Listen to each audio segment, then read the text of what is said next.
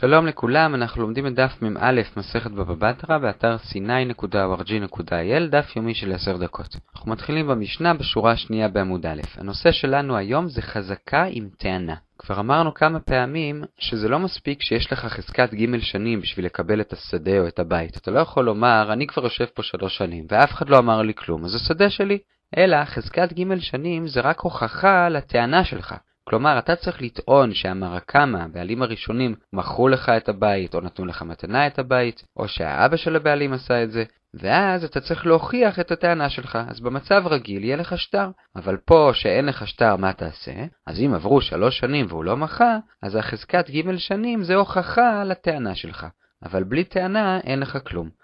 עכשיו שואלת הגמרא פשיטא, ברור שבלי טענה אין לך כלום. עונה הגמרא, היינו חושבים שאם אדם טוען סתם שהוא ישב שלוש שנים ולא אמרו לו כלום, אולי היינו צריכים לעזור לו. כלומר אולי באמת כן היה לו שטר והוא איבד אותו, והוא פחד לומר שהוא איבד את השטר כי הוא חשב שככה אין לו סיכוי, הוא חשב שעדיף לו לטעון שפשוט הוא ישב כאן ולא אמרו לו כלום. אז אולי נשאל אותו ונאמר לו, היה לך שטר? איבדת אותו אולי? מה שנקרא פתח פיך לאילם, מחדש את המשנה שלו. הוא צריך לומר את הטענה מיוזמתו האישית. אז זה הבסיס לכל הדיון, צריך חזקה עם טענה. עכשיו הגמרא בערך באמצע העמוד מביאה סיפור של רב ענן ששם מוזכר חזקה עם טענה, למרות שבאמת בסיפור עצמו הטענה לא כל כך ברורה, אנחנו נעזר בזה ברשב"ם. אז רב ענן ושכן שלו היה להם גדר ביניהם, ואז הגיע איזשהו שיטפון והפיל את הגדר והם בנו אותו מחדש, אבל הם בנו אותו קצת יותר מדי בתוך השטח של השכן, כלומר רב ענן הרוויח קצת שטח. ואז השכן תבע אותו, והם באו לרב נחמן, ורב ענן טען שהשכן מחל. אז אנחנו צריכים פה טענה והוכחה לטענה.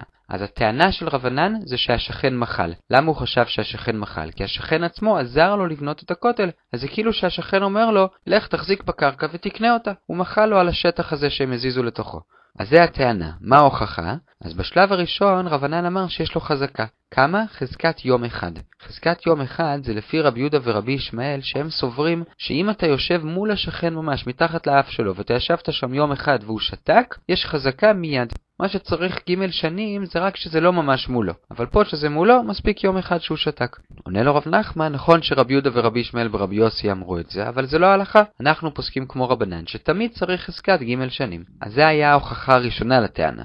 אבל עכשיו רבנן מביא הוכחה יותר מוחצת, לא רק שיש לו חזקה, יש לו עדים.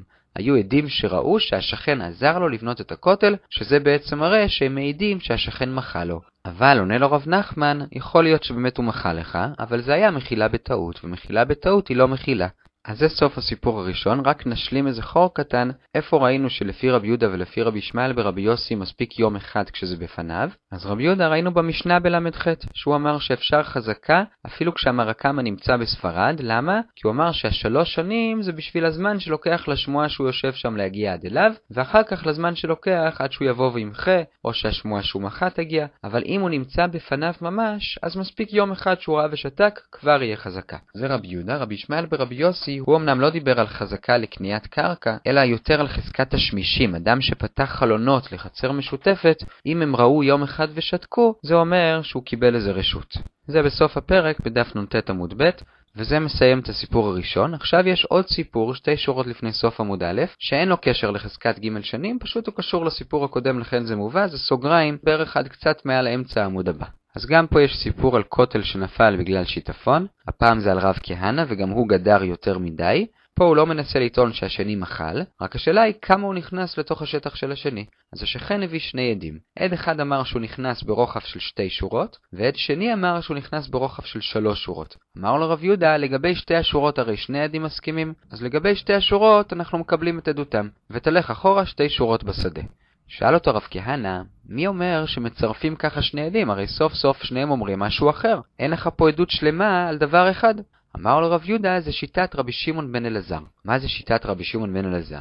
אז יש מחלוקת בין בית הלל לבית שמאי, שיש מצב כזה שיש עדות למשל על x, ויש עוד עדות על x פלוס 1. אז האם לפחות לגבי ה-x, שזה מכנה משותף בין שתי עדויות, אפשר לקבל? עכשיו לא ברור במה בית שמאי ובית הלל נחלקו, יכול להיות שני מצבים, יכול להיות שיש שתי קטעי עדים, כת אחת אומרת x, כת שנייה אומרת x פלוס 1, פה יותר קל לי לקבל שה-x, המכנה המשותף, הוא כן בסדר. כי יש לי עדות שלמה לגבי ה-x, רק שיש לי עדות שהיא קצת מכחישה אותה כי מוסיפה קצת. זה מצב אחד.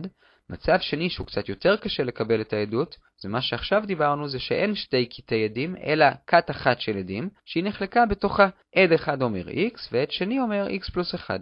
אז בית שמאי אומרים שלא מקבלים, ובית הלל אומרים שמקבלים, רק יש שתי שיטות במה הם נחלקו. שיטה אחת אומרת שאם זה בתוך אותה הכת, לכולי עלמא לא מקבלים את העדות. והמחלוקת שלהם זה כשזה שתי קטעי עדים. שכת אחת היא x, כת אחת היא x פלוס 1, בזה בית הלל אומרים שמקבלים ובית שמאי אומרים שלא. אבל אם זה עד אחד ועד אחד, לכולי עלמא לא, ואז במקרה שלנו לא נקבל את העדות שלהם אפילו לא לגבי שתי השורות. כי עד אחד אמר שתי שורות ועד אחד אמר שלוש. אבל שיטה שנייה, רבי שמעון בן אלעזר אומר, שאם זה שתי קטעי עדים, שמה לכולי עלמא כן מקבלים את העדות. כי יש לי עדות שלמה לגבי ה-x. רק אם זה בתוך אותה הכת, שעד אחד אומר x ועד שני אומר x פלוס 1, בזה בית שמאי אומרים שלא, ובית הלל אומרים שכן. אז אם נחזור למקרה שלנו שרב כהנא פלש בטעות שתיים או שלוש שורות לתוך השדה של השני, אז רב יהודה פסק כמו רבי שמעון בן אלעזר שהסביר ככה את בית הלל, שבתוך אותה הכת אפילו שעד אחד אומר x ועד אחד אומר x פלוס 1, לגבי ה-x אני מקבל את העדות. ולכן רב כהנא יצטרך ללכת אחורה שתי שורות.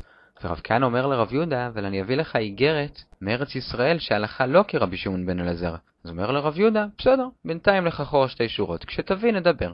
ועכשיו אנחנו בעמוד ב', קצת מעל אמצע העמוד. מה קורה אם הטענה שלי זה לא שקניתי ממך אמר הקמא, אלא קניתי מאדם שלישי, והוא אמר לי שהוא קנה ממך.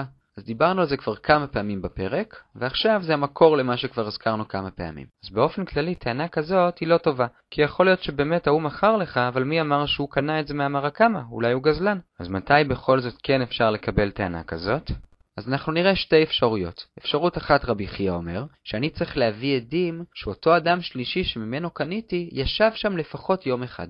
ונדגיש, זה לא במקום הגימל שנים, אני צריך שיהיה לי גימל שנים, רק בגלל שאין לי טענה שקניתי ממך אלא ממנו, אני צריך שלפחות נדע שהוא ישב שם יום אחד, והוא לא סתם מכר שדה שאף פעם לא הייתה שלו. רב מוסיף על זה והוא אומר, אם אני טוען שאני אישית ראיתי אותו קונה ממך, אמר הקמא, אז זה מספיק טענה, ואז אני לא צריך להביא עדים שהוא ישב שם יום אחד. בגמרא עצמה הוא מסביר את זה בגלל מיגו. כלומר, כיוון שיכולתי לטעון שאני אישית קניתי ממך, ובמקום זה טענתי שקניתי ממנו והוא קנה ממך, אז אני נאמן.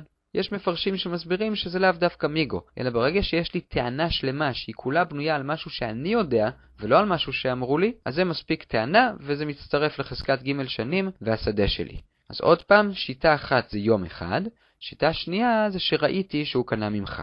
לגבי השיטה הראשונה של רבי חייא, שיש לי עדים על יום אחד, יש פה שני דיונים. דיון אחד, אנחנו בערך שליש מתחתית עמוד ב', רבא מנסה להביא ראייה לזה מהמשנה שלנו. בסיפא של המשנה שלנו, דילגנו על זה כשקראנו את המשנה, אמרו שאם זה שיושב בקרקע אומר שהוא קיבל את זה בירושה מאבא שלו, והוא לא יודע איך זה הגיע לאבא שלו, אבל הוא יושב פה כבר שלוש שנים. כלומר אין לו טענה, אנחנו טוענים בשבילו. כיוון שבאמת הוא לא אמור לדעת איך אבא שלו השיג את השדה, והוא ישב פה שלוש שנים ואף אחד לא אמר כלום, אז זה הופך להיות שלו. אנחנו טוענים בשבילו. עכשיו המשנה אמרה שהוא לא צריך לטעון. אבל, מדייק רבא, הוא לא צריך לטעון, אבל הוא כן צריך להביא הוכחה שאבא שלו ישב בשדה לפחות יום אחד. אז הנה ראייה שגם כשאתה לוקח ממישהו אחר, לפחות תביא ראייה שההוא ישב שם יום אחד. אבל את זה הגמרא דוחה, שתי דחיות. דחייה ראשונה, אולי הדיוק לא נכון. אולי הוא לא צריך להביא שום טענה. לא שאבא שלו קנה את זה, וגם לא שאבא שלו ישב שם יום אחד. זה דחייה ראשונה. דחייה שנייה, גם אם תגיד שביורש הוא כן צריך להוכיח שהאבא ישב שם יום אחד, בקונה אולי הוא לא צריך להביא הוכחה כזאת, כי ירושה זה דבר שקורה מעצמו. המקבל לא ניסה לבדוק האם זה באמת היה של האבא. אבל אדם שהולך וקונה בית או שדה, ברור שהוא בודק לפני לראות שזה באמת של המוכר. אז אולי אנחנו מניחים שהוא בדק, ואנחנו לא מצריכים שהוא יביא הוכחה על זה שהוא היה שם יום אחד. אז זה היה ניסיון להוכיח את דברי רבי חייא, דחינו את ההוכחה, אבל זה לא אומר שדחינו את רבי חייא. רבי חייא עדיין מקובל, שרק אם יש לך עדים שהוא ישב שם יום אחד. עכשיו שואלת הגמרא שבע שורות לפני הסוף, היא באה אלוהו, מה קורה אם העדים מעידים לא שהוא גר שם יום אחד, אבל שהוא הסתובב שם בבית, הוא מדד מדידות, כלומר זה נראה שהוא רצה לקנות את הבית הזה, האם זה מספיק הוכחה, ואז זה יכול להיות במקום עדים שהוא גר שם יום אחד? אביי אומר שכן, ורבא אומר שלא, כי יכול להיות שהוא בדק, ובסוף הוא לא קנה.